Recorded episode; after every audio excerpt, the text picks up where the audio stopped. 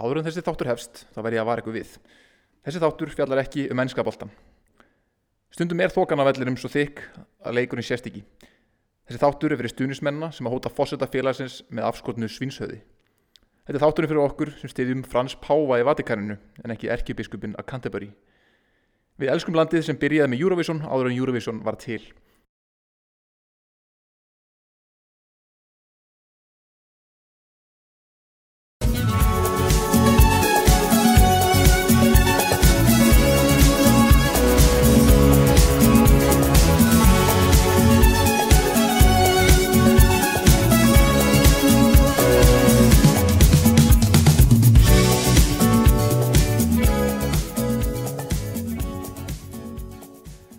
Við erum velkomin innan þriðja þátt Ítalka boltans.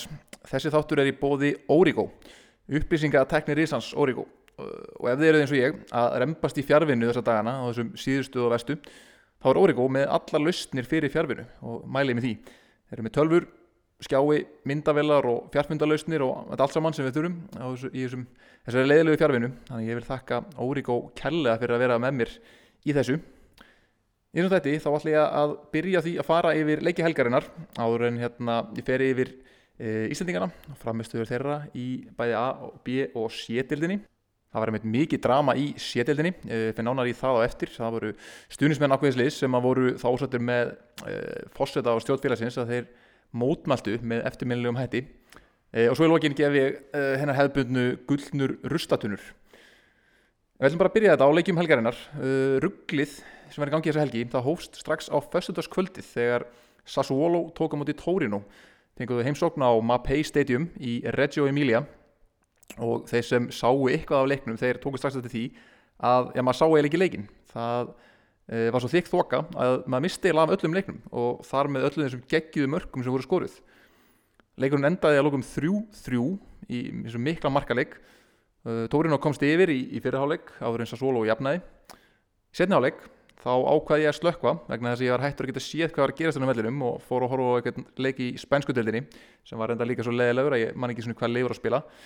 En í þokunni þá fór leikurinn heldur betur á fullt og Tórino komst í 3-1 og var það fyrirliðin hanninn sjálfur Il Gallo, uh, Andrea Bellotti sem að dregur vagnin eins og í síðustu leikjum Uh, hann skoraði annarmarkið og assistaði þriðamarkið og það var bara að líta heldur vel út fyrir Tórino en þá mingaði Filip Djuricic gamli félagi Alfreds Finnbóðssonar á herinvenn uh, munin með glæsilegu helspildumarki áður en Íslands vinnurinn uh, ef svo maður segja, miðvörður rúmenska landslýsins sem var meittur gegn okkur íslendingum Vlad Kirikes lúðraði boltanum í skeitin af 30 metrum bara alveg úr þurru og hann var rétt svo að myndaðarlega náðu þessu í allri þókunni og svo solo jafnaði og svo voru næstu búin að stela seyrunum í lokin. Leikurinn endaði samt 3-3 svo skemmtilegu leikur.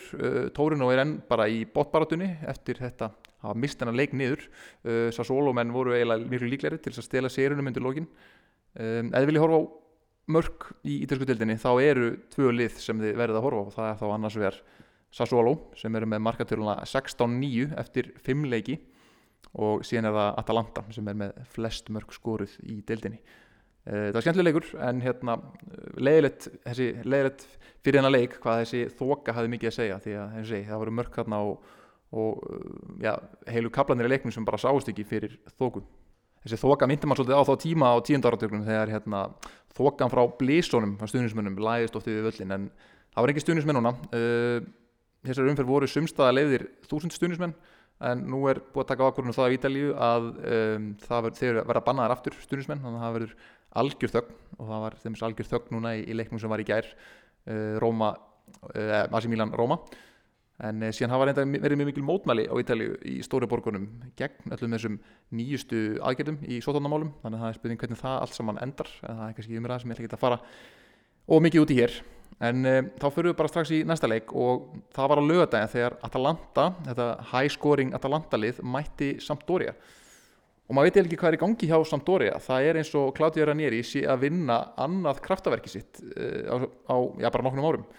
Hann auðvitað tók við Sampdoria þegar þeir voru í skýtnum í fyrra eftir uh, á botninum sigurlausir eftir sjöleiki og náða að stabilisa liðið og, og hjæltum uppin og nokkuð öruglega undir lokin með frekar takmarkaða takmarkið gæði í leikmannahopnum en núna hefur liðið farið gríðalega vel að stað. Eftir, eftir þess að fyrsta 3-0 tapið mjög Juventus þegar þeir litu illút þá hefur liðið bara til stór skref upp á við. Og núna í síðustum umferð vann liðið Lazio á útivelli og nú vann liðið 3-1 sigur á Atalanta á heimavelli.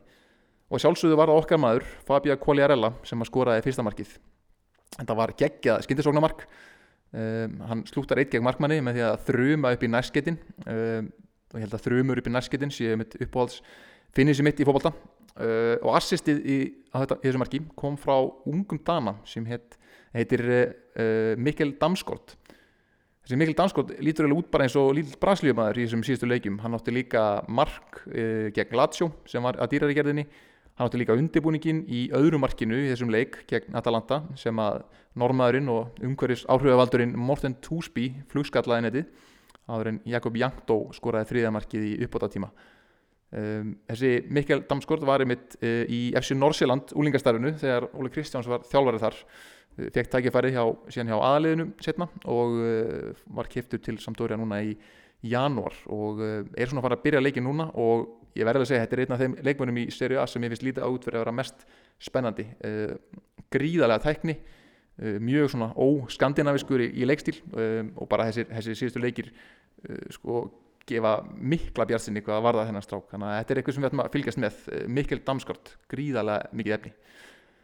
Uh, Dúan Zapata skoraði einamark Atalanta í leiknum sem kom reyndar eftir viti sem að, var eiginlega ekkit viti uh, var dómararnir, slöðu dómararnum að kíkja nú betur á atvikið og hann fór út og allir held að hann myndi já, hætta við þetta með viti en svo var ekki og, en það döði ekki til og uh, það er bara ekki sjón að sjá þetta Atalanta lið. Þeir, það verðist kannski aðeins vera að há þeim að þeir eru að spila, það er þjætt leikjaprogram þeir eru að spila í meistaradeldinu núna í, í hverju viku.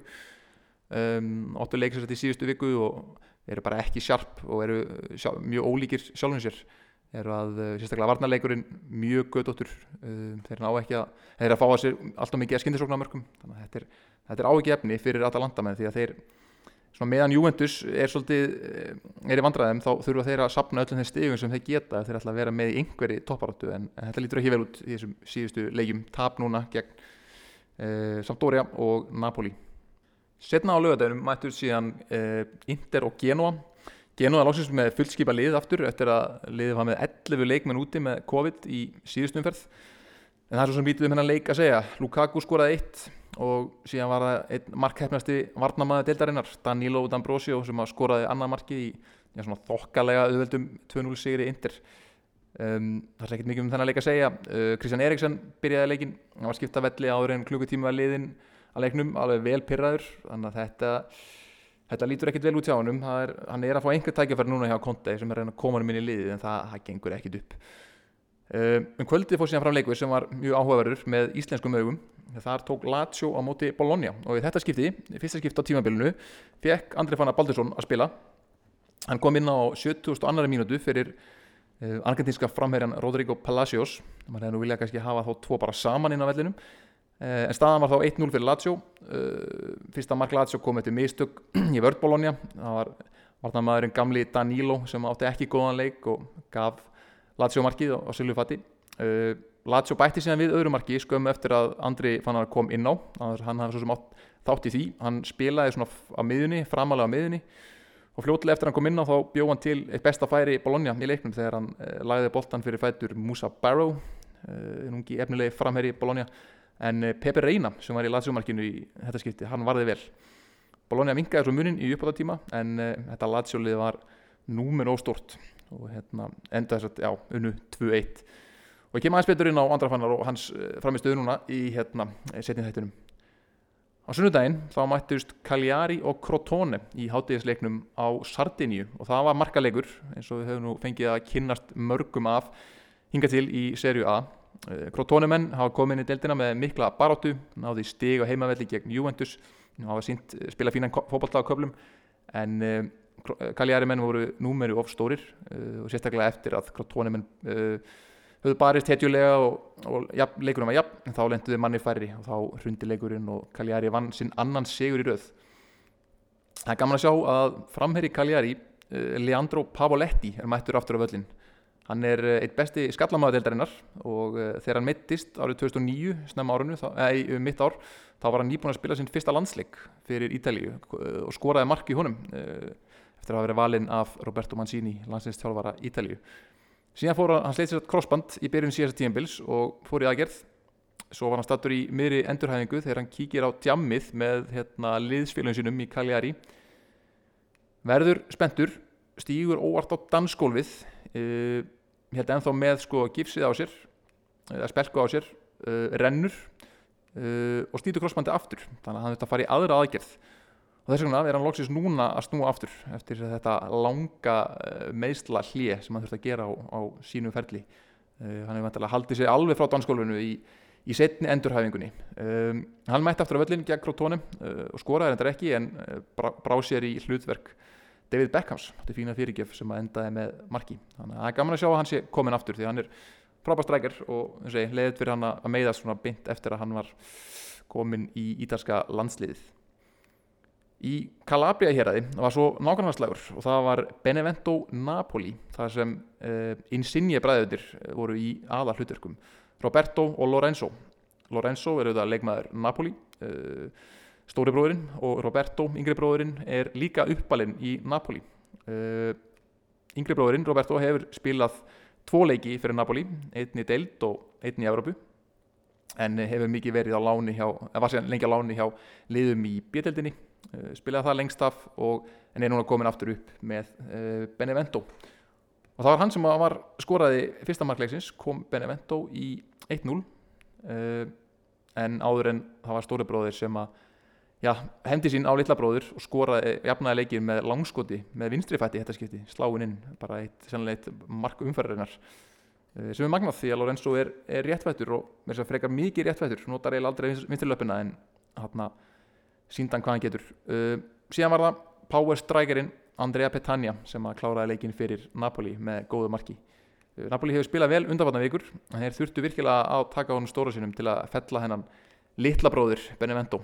Eh, litli bróðurinn í kampanja hér aði setna á sunnudegurum fekk Parma svo nýlega Spezia í heimsókn og lendu 2-0 undir. Spezia spilar power fókbalta og er að standa upp í hárunni á öllum liðin sem það mætir Parma minkaði þessu munin í fyrirháleik en jöfnumarki kom ekki fyrir henni upp á þetta tíma 92. mínútu og enn og aftur erum við að sjá hetjula baratu hjá Spezia sem er enn án aðal markaskóransins búlgarinn eh, Andrei Galabinov og aðal markmaðurinn, markmaðurinn sem er líka átt í langan tíma eftir alvarleg meðsl gegn út í nesundaginn Spezia menn þeir hljóta nægast í handabögin því að þóttu sé að byrja ágætlega deildinni og sé að ná stigum gegn Parma og Fiorentina þá eru þetta ymmið svona stig sem að telja svo mikið í bóttbaratunni sem er örgulega verða í undir lók tímabilsins. Þannig að þetta það var svekkend að sjá fyrir nýleðana í Spezia sem að undir stjórn hins efnilega Vincenzo Italiano að byrja tímabilið vonum framar. Og síðan fór leikur fram í Flórens Fiorentina eh, heldur áfram að sína bæði sínar eh, bestu og vestu hliðar eins og í síðustu umferð. Uh, þegar þið gerðu 20 í aftabli þá komist þið núna í 2-0 fórustu eftir aðeins 20 mínútur. Þegar þið mættu einmitt út í nese Gaetano Castrovilli var stóra stjarnan í sóknarleik Fiorentina og hann er sá sem að er að bera fjólubláa Fiorentina fánan á lofti eftir að uh, Federico Chiesa gamla mónastjarnan kvarfa brott til Juventus. Castrovilli spilar á miðunni svona betri sóknarlega hendur en varnarlega. Hann er með bakgrunn úr sankamestansi og sínir mjög mikla fótafimi og tækni með boltan skoraði tvö mörg, glæsileg mörg gegn Udinese á sunnudaginn og Fiorentina vannalókum 3-2 uh, Udinese menn sóttu og sóttu og voru ekkert langt frá því að ná að jafna leikin eh, en það var framherrin Okaka sem var skoraði bæði mörg út í nesi hluti af hennu fræga framherjapari Lasagna Okaka aðaréttur eftirréttur hann skoraði tvö lagaleg skallamörg stór og sterkur og stæðilegur strækir sem að gerir vel í að skora tvö mörg í þessum leik en ja, hann verður að skora meira og vörðin verður að halda betur ef að út í nesi ætlar ekki að vera í bóttbarátunni enn eitt árið. Þeir eru ekki að byrja sérstaklega vel á þessu tímafili á sunnundaskvöldið mætti svo Juventus og Hellas Verona. Og Hellas Verona var auðvitað spútniklið deildarinnar í fyrra og unnu meðal annars þá Juventus í ótrúlegum leik í vor núna áður en COVID skall á. Í þeim leik þá sundurspilaði Verona Juventus liðið algjörlega og voru miklur yfirbyrðir uh, þessum leik núna þá uh, var Ronaldo ekki með Juventus þetta var að Dybala sem er komin aftur auðvitað meðsli sem að byrjaði frammi með uh, Alvaro Morata. Og Dejan Kulusevski svíin fekk frí þessum leik þess að byrjaði á bekknum. Hann er búin að spila vilja flesta leikina fyrir Juventus eftir að hann kom. En þeir ákveða kvílan þarna hann Pirlo. Uh, Verona spilaði bara freka vel. Þeir uh, settu svolítið pressu á Juventus voru ekki að leifa þeim að spila út úr vörninni og Juventus með voru í smá basli. Þeir spilaðu líka mjög fast og það var auðvist að það fór mjög mikið í töðarnar á, á Juventusmönnum. Þeir voru allir standandi upp í varmanskilinu og öskrandi og gargandi. Dybala fekk mjög harða meðferð og, og dómarinn svo sem hefði kannski mátt taka aðeins betur á því en uh, síðan er það Verona liði sem að þetta er ólseitt lið sem að Ivan Júric er með og hann lætur að spila góðan bolta Eh, sem, leik sem byggir af því að halda bóltanum og uh, setnaháleik kom stóri sterkir framherrin Favilli inn á, stóri sterkur strákur. Uh, kom inn á, skoraði segumarkið og skipti sjálfum sér út af aftur vegna meðsla og þetta ger hann allt saman á bara 7 mínúna kabla þetta er alvöru innkoma og alvöru, já, útkoma líka. Uh, þannig að Júventus lendi undir eftir um klukkutíma leik og þá setti Pirlo Kulusevski inn á og þá sást hvað liðið er strax eftir bara nokkra leiki. Orðið háð uh, Kulusevski því að hann kom inn á og breytti leiknum. Uh, hann breytti leiknum með jafnaði leikin með geggiðu einstaklingsframtæki uh, bara dræfaði inn á tegin og lappaði fram í vardamannunum og, og skoraði. Um, og vor, var í rauninni þöks í honum voru Júventus með nálægt því að, að ná að, að stela sériunum en uh, nær komist þér ekki Það er sem áhugju efni að uh, Leonardo, Leonardo Bonucci, varnamæður Júventus, fór mittur af velli fyrir leikin gegn Barcelona í, í meistaradeildinni í vikunni, uh, menn kannski var það svona precautionary til þess að sjá til þess að hann eh, myndi einmitt ná þeim leik eins og segi, Jónsliði var ekki að spila sérstaklega vel. Um, Pálo Dybala náði þessu ekki alveg á stryk var svolítið sparkar út á leiknum. Federico Bernadeschi uh, fekk tækifærið í fjárveru Kulusevskis og hann átti ekki góðan leik uh, vægast sagt, hann náði þessu enga meira stryk og það er fátt sem, sem bendið til þess að hann muni allan að byrja næsta leik aftur. Aron Ramsey byrjaði líka inn á og var svo sem allt í lagi með þeim skárið þarna en uh, þetta var ekki við náðum sér alls ekki að stryk og hérna, Pirlo er ekki ennþá búin að finna svona sín, e, sína uppstillingu þótt að fjölmjölar haldi svo sem áfram á Ítalíu að e, rósónum og rósa þeim fókbata sem liði spilar þá er ekki alveg samanlega, ég sé ekki alveg þessa e, þessar hugsanir og þessar pælingar sem hann er með að ná að, að koma því út í leikstíl liðsins. Í gær, mánudaginn, mánudagskvöldið þá fóðu fram síðasta leikur umferðarinnar og það var stórleikur umfærarinnar verður að segjast, Asi Milan sem er á toppnum fekk Róma í heimsókn á San Siro og var San Siro völlurinn galtómur því að það hafa búið að banna áhörvendur og það heyrðist vel, maður munar um þess að þúsund áhörvendur, maður hefur tekið eftir því að þessum fyrstu umferðum deildarinnar. En uh, Zlatan Ibrahimovic hann er komin aftur eftir COVID eins og við nefndi síðast og hann skoraði eftir aðeins tvær mjöndur eftir uh, ja, afskapla slagan varnarleik hjá Róma eða varnarleik yfir höfum mætti kalla, mætti kalla. en uh, það var svo Íslandsvinnurinn uh, Ciprian Tataruzzano markverður Asi Milan sem spilaði þennan leik vegna þess að Gianluigi Donnarumma markverður Asi Milan greintist með COVID sama dag og leikurinn fór fram hann Tataruzzano byrjaði markinu og hann ákvaða að fara í skóalöp á miðjum San Siro vellinum uh, í hotspinnum og skildi markið eftir aukt og Edin Dzeko gætt skallað hotspinnuna í markið. Í uppafi setnaháleiks þá komst Milan aftur yfir áður en dómara leiksins Giacomelli ákvaða að setja sjálfan sig í aðalhutverk leiksins þegar hann gaf Róma uh, ótrýtt viti, uh, vitist ekkert vera neitt brot en hann uh, bent á punktin þegar Petro fjall viði teg Asi Milan og Róma jafnaði leikin áður en Asi Milan kom síðan yfir með já, enn vafasamar vítaspilnu þar sem að aftur varherbyggið virtist ekki hafa neina rátóðsendir þannig að þeir, þeir fengu viti Asi Milan og Zlatan skóraði því að komiðum í 3-2 áður en síðustu varnamistök leiksins á þessi stað. Og það var aftur því miður að verki Zlatan Ibrahimovic sem að þegar Róman fekk hóðspilnu stóða næstökinni og ætlaði að kong fú sparka boltan í burtu í staðin fyrir að bara skallan auðveldið í burtu. Og hann hitti boltan illa hann að boltin dettur fyrir fætur uh, hins unga miðvarar Max Kumbula, Maras Kumbula sem skorar í aukt markið fyrir Róma hann að lokatölur í þeim leikur 3-3 og uh, sennilega Zlatan Ibrahimovic er sá sem er mest svektur eftir þennan leik. Þessi stóri reyndi maður sem er búin að rýfa þetta Asi Milan lið upp á, á, hérna, á axlaböndunum.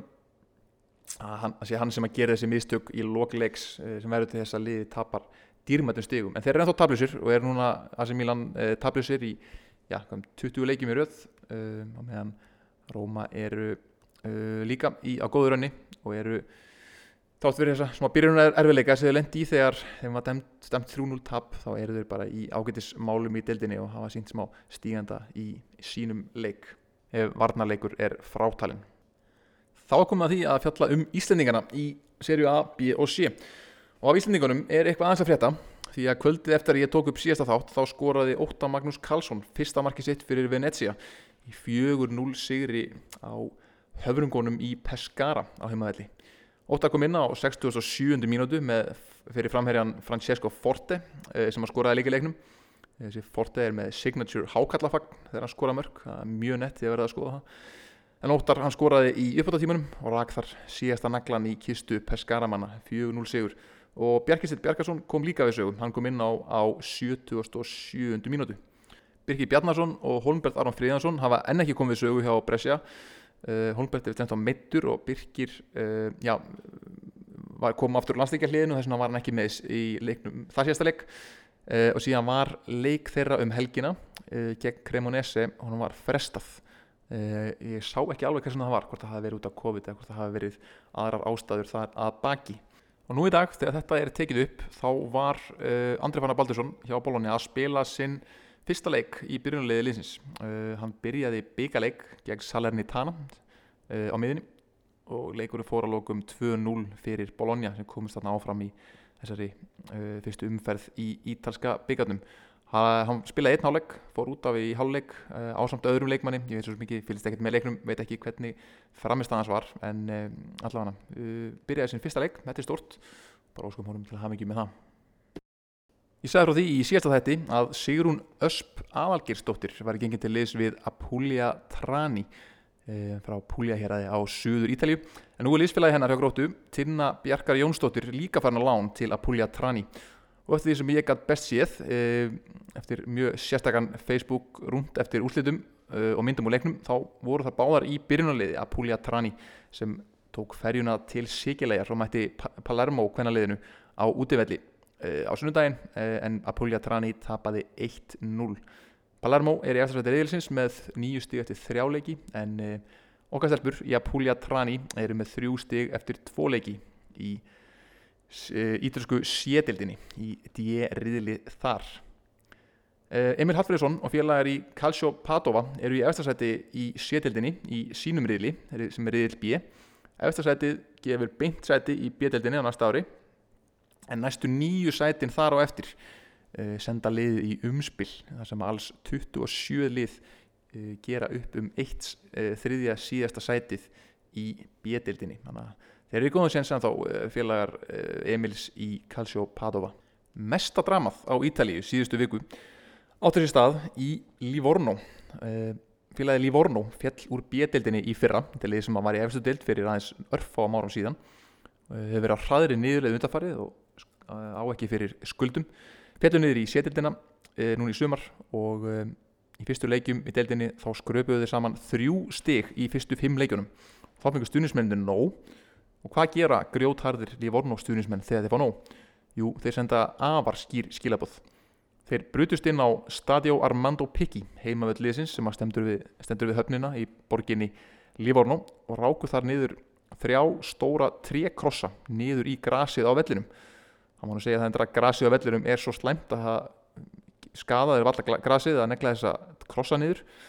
Og einum krossinum stóð nafn Aldo Spinellis sem er fyrirhundandi eigandi liðsins á öðrum stóð nafn núverandi fórsetans Rositano Navarro og á þriðja krossunum var endar ekkit nafn á manni heldur nafn bankans sem er reyna að setja félagið í þrótt stuðnismönnum e, fyrir framann krossin var svo búið að leggja e, afskorið svínshöfuð í besta Martin Scorsese stíl og fyrir aftan þetta allt saman var stór fáni þar sem stóð þið munu borga þið munu borga fyrir þetta allt saman.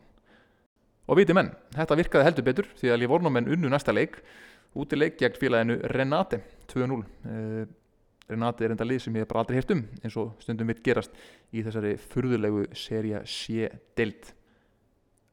Livorno hefur eins og ég sagði á hann áður leikið í serju A. Þeir eh, lendi í öðru seti í A-deildinni 1943 þar sem þeir lendu bara á eftir einu liði sem var auðvitað Grande Torino liðið sem var vann allt á sínum tíma. En þeir komist líka upp uh, í A-deildina árið 2004 og þá var ungur markarhókur sem að, uh, var uppalinn í Livorno sem að skaut liðinu upp í aðildina, uppættist liðinu sínu. Það er framherjin Cristiano Lucarelli. Hann uh, var gríðarlega efnilegur sem úlingur og spilaði U21 ás landsleik, hann kemur frá Livorno sem er þekktur, borg, þekkt borg sem svo borg á Ítalíu þar sem kommunistaflokkurinn var stopnaður kommunistaflokkurinn var já, talsveit valda mikill eða stór flokkur á sinu tíma á Ítalíu. Uh, mjög vinstri sinnuð borg uh, mikið af verkamönnum hefur, þannig hefur saman verið í fleiri hundruð ár. Lucarelli er sérstætt frá Livorno og spilaði með U21 landsliði Ítalíu. Þegar hann skoraði mark þar þá fagnaði með því að rýfa sér út treyjunni og síndi þær undir Che Guevara ból sem hann var í undir treyjunni. Eftir það þá spilaði hann já, valla landsleik aftur, spilaði aldrei með út eins landsleikin aftur og uh, spilaði lokum bara sex landsleiki og skoraði í þeim þrjú mörg og við hann meina í sönnum uh, eh, samstæðiskenningastíl að þetta hafi verið vegna þess að hann var kommunisti sem hann var ekki ofta valinn í landsliðið. Hann fór til Torino, spilaði með þeim í A-deldinni áður en að hann, eða meðan hann spilaði á Torino og uh, Livorno var að spila í B-deldinni þá mætti hann oft með stuðnismönnum á, á leiki hjá Livorno klætti sér í hettupeysu og reynda að fela sig í stúkunni um, síðan þegar tækifæri kom árið 2003 þá fór hann aftur til heimaklúsins uh, fór niður um deild, fór frá Tóriná í aðdeldinni niður í bjedeldina og spilaði með uppbyldisliðinum, uh, liðinu sem helt með og hjálpaði þeim að komast upp í efstu deild. Og þar legan til ásins 2007 og hann varð markakongur í Ítalíu. Uh, Capo Cannonieri eins og það kalla árið 2007 þannig að hann var gríðalega góðu strækjar og fekk síðan uh, stóra peningamúið til Shakhtar Donetsk í Úgrænu uh, þar spilaði hann í aðeins eitt tímabill áður en hann fekk leið á peningunum eins og hann sjálfur segir í æðisögu sinni og ákvað að uh, koma aftur til Ítalju þar fór hann til Parma uh, og fór síðan aftur þaðan á lán uh, bæði til Napoli þar sem hann náði þessu ekki alveg að strikk og síðan til Livorno. Hann er gríðalega vinsall í Livorno.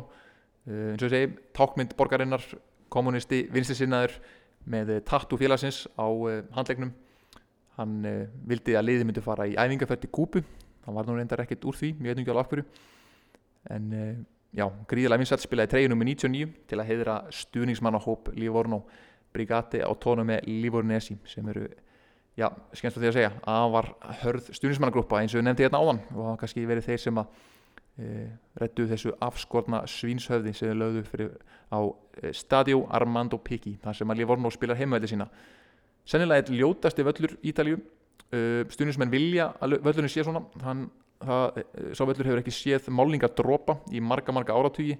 Stuðnismenni vilja að völlurinn sé hrár, sé bara þessi risastóri steipu klumpur sem hann er. Stadio Armando Picchi völlurinn er nefndur í eh, höfuð á fyrrum leikmanni Livorno sem hétt Armando Pecci spilaði með Livorno og eh, síðan hjá Inter eh, þessu sterka Interliði Helenio Herrera þar sem hann vann marga tilla og þessi Armando Pecci sem var kallið kvíta fjöðurinn því að hann var orðin gráhærður frekar ungur hann spilaði með Íþakar landsliðinu. Og eh, var síðan aðeins 35 ára gammal ráðinn þjálfari Juventus en lést úr krabbaminni aðeins tveimur árum setna þannig að þetta fyrirlann sem leikmaður var stórkostlegur en eh, við mistum því miður af kannski stórkostlegum þjálfaraferðli því að það er ekki margir sem að eru ráðnir þjálfarar hjá Juventus aðeins 35 ára gamlir. Ekki einu svona Pirlo náði því. Ég nefndi þetta náðan að uh, Livornomenn þeir hafa elda grátt silfur við stuðningsmenn Lazio og Verona af pólitískum ástæðum. En síðan eru líka ansi harðir nágrannarslaginir bæði Livorno og Fiorentina og ekki síst kannski harðast slagurinn Derby della Tiraneo sem er eh, eh, Livorno gegn Pisa. Og þetta eru erkifjendur sem hafa elda grátt selvi saman eh, já, allt frá árunni svona 1100 tengist gömlum borgríkjum og stríðum þeirra á milli um, eh, um höfnina í Livorno sem var auðvitað gríðalega mikilvæg á sínum tíma. Þessi saga, kannski ég geti útskipta hvers vegna Livorno menn eru svona herskáir og ákveða að mótmæla fósetta sínum með afskortnu svínshöfði. Í staðin fyrir að gera bara eins og já, kollega þeirra í Valencia sem að í síðustu viku ákvaða að stríða sínum eigin fósita þar sem þeir eru í, í miklu stríði við. Þeir ákvaðu að mótmala honum með því að leia mariachi hljómsveit sem að eldan um alla Valenciaborg og spilaði mariachi tónlist hvers sem að fór. Minnst það svona aðeins skemmtilega nálguna á þessar hótanir e, frekar en svínsauðið en það er allar að mín skoðun. Hvort sem það sé þessi þúsund ára saga lífórnumanna af baráttu stríði og, og eh, baráttu gegn kapitalismannum e, sem að gera það á svona herskáa þeir ákveða að henda svínsauði um, til að hóta fórseta leysins eh, veit ég ekki en þeir fá allana gullna ruslatunum fyrir þetta uppátækið sitt að mínum mati. Um, það væri næra bendaðið má hvað kollega þeirra í Valencia gerðum sem eru líka gríðarlega ósáttir með fórseta sinn. Uh, þeir ákveðu að hótonum, segja, með því að e, borga mariachi hljónsveit til þess að elda fósettan um alla borg. Hver, hvers getur sem að fósetti Valencia gengur út um hurð á heimilin sínu eða á skrifstofunni sinni þá er mariachi hljónsveit mætt og spila á eldan með frábæri mariachi tónlist. Uh, Gullnarullutura nr. 2 þessu sinni. Uh, hana fær Giacomelli, dómarinn í leik AC Milan og Roma sem að dæmdi hérna tvær augljósar uh, ja, tvö viti sem að voru augljóslega ekki viti uh, og nú er Serie A búið að gefa það út núna í dag að uh, Giacomelli og vardómarinn í þessu leik þeir eru sendir í mánadar kælingu þannig að svona framist að það dregur dilk á eftir sér. Nú á þriðju gullinu rauðaturna fær Atalanta þessu sinni fyrir þetta 3-1 tap gegn Sampdoria þar sem þeir voru rauninni vita vonlausir um, það eru öll Evrópári spennt fyrir því að fylgjast með Atalanta og þeirra gengi í deildinni. Menn voru fættin að binda vonur við að þeir myndu kannski geta e, tekið ennmeri þátt í e, toppáratunni sem þeir voru þó freka mikill þáttur af í fyrra en e, þetta tapar svona e, fyrst svona stórt gegn Napoli og síðan gegn Sampdoria sem að já, ef kannski byrja ákveðlega núna en eru með miklu, miklu ódýrara og veikara lið það er ekki bóðleg framistæða Nú, hálflega fara hans yfir næstu helgi og leikina þá. Uh, Bologna, okkar maður í Bologna uh, spila strax á lögadaginn þar sem að liði tekur á móti Cagliari. Uh, Crotone fær Atalanta í heimsókn þannig að Atalanta fær svo gullið tækifæri til að, til að skopa aftur upp eftir þetta, þessi tvö töp. Inter fær svo Parma í heimsókn á lögadags eftirmiddaginn á sunnudaginn mætast svo Napoli og Sassuolo. Það getur verið mjög skemmtilega leikur. Mörg mörgurlega skóru þar. Róma og Fiorentina mætast svo á sama tíma. Og síðan er það borgarslagurinn Derby della Lanterna slagurinn um Genoaborg Sampdoria fær Genoa í heimsókn. Ja, þeir spila nú á sama heimavelli. Síðan fer Juventus í heimsókn til Spezia og Torino mætir Lazio. Og út í Nese þeirra, þeim býður ærið verkefni. Þegar þeir fá uh, AC Milan í heimsókn tablausu AC Milan menn. Síðasta leikurinn fer svo fram á uh, mánudaginn næsta. Það er, það Hellas Verona sem að fær Benevento í heimsókn. Það getur líka orðið uh, skemmtilegu leikur. Tvöli sem að vilja spila góðan fótbolta. Ég ætla að segja þetta gott í dag og þakka fyrir mig ef þið hefði einhverjar aðdóðsendir eða hugmyndir að einhverju sem ég geti talað um. Einhverjar aðra pælingar endilega hóið í mig hvort sem að sé á samfélagsmyrum, Facebook eða Twitter. Öðru leiti vonaði bara því öll horfið á ítalska boltan sem að fer aftur að rúla núna á laugadaginn næstkomandi. Tjá að túti, verið í sel